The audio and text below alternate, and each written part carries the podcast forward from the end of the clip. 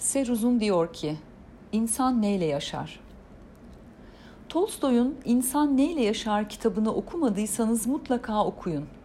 80 sayfalık, 6 bağımsız hikayeden oluşan küçük ama dev bir kitap. Kitaba adını veren ilk hikaye oldukça etkili. Tanrı, meleklerinden Azrail'i luhusa bir kadının canını alması için dünyaya gönderir. Azrail kadına acır ve Tanrı'nın huzuruna çıkarak kadının ruhunu alamadığını söyler. Tanrı'nın cevabı ise şöyle olur. Git, kadının ruhunu al, sonra da şu üç kelamımı öğren. İnsanda ne var? İnsana ne verilmemiştir? İnsan neyle yaşar? Bunları öğrenince yine göğe döneceksin. Soruların cevapları kitapta var. Son soru ne kadar zor değil mi?'' Beyin yakıcı, zorlayıcı, sorgulama ihtiyacı hissettiren. Bireysel olarak hayattan ne istiyoruz ve neyle yaşıyoruz? Hayattan sürekli bir şeyler ister dururuz. Bana aşk lazım, sevgi, huzur, para, eş, çocuk lazım. Bana birkaç yeni insan lazım. Yeni bir ilişki, araba, ev. Bu liste böyle uzar gider. Sürekli istiyor, sürekli tüketiyoruz. Bazen mutluluktan uçuyoruz, bazense dipsiz bir kuyunun içinde debelenir buluyoruz kendimizi. İnsan dönüşebilme yeteneği olan mucizevi bir organizma. Bu dönüşüm sinsi sinsi ve o kadar derin gerçekleşiyor ki oluşturduğun yeni kimliğinin farkına bile varmıyorsun. Öyle bir an geliyor ki aynadaki aksini tanıyamıyorsun.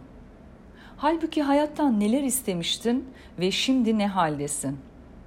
Aslında sana muhteşem bir aşk lazımdı, sevgi ve beraberinde çok para vesaire. Oysa hiç yoktu hesapta kendini bu isteklerinin içinde kaybetmek.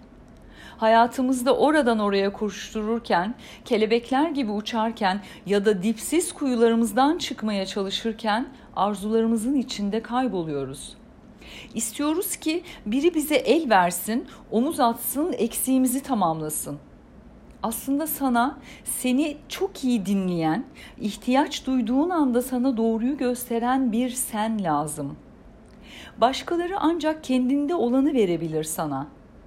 Asıl ihtiyacımız olan kendimizizdir. Tutunacağımız tek bir dal vardır, o da kendimiz. Tüm bu kargaşada sana sen lazımken eksik kalmışsındır kendinden, ihmal etmişsindir kendini.'' Ruhunu takip edememiş, zihninin gürültüsünden kalbinin sesini duyamamışsındır. Hep başkalarının hayatında can bulmaya çalışırız. Priz muamelesi yaparız karşımızdakine kendimizi şarj etmek için. Onların enerjisiyle beslenmeye meyilliyizdir. Oysa ki başkalarının ışığından, enerjisinden sonsuza kadar faydalanamayız. Kendimiz ışık olmayı öğrenmek zorundayız.''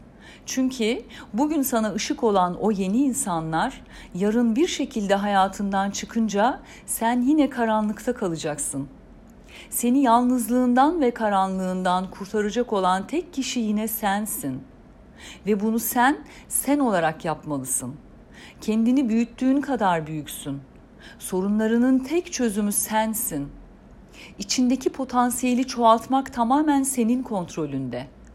Kendinle baş başayken mutlu olabilmeyi öğrendiğin zaman mutlu olabilirsin.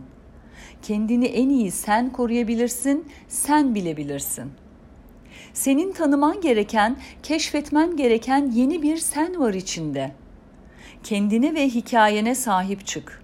Kendini bilmek, kaynağı bilmektir ve kendini bilen hayatı bilir. İnsan ancak kendisiyle yaşar ailemiz, eşlerimiz, çocuklarımız hayatımızın tuzu biberidir. Hayatının asıl kaynağı sensin. Diğerleri sadece lezzet katabilir hayatımıza. Sana en çok sen lazımsın. Hayata ve ortak bilince katkısı olması dileğiyle. Ne haliniz varsa gülün. Sevgilerimle.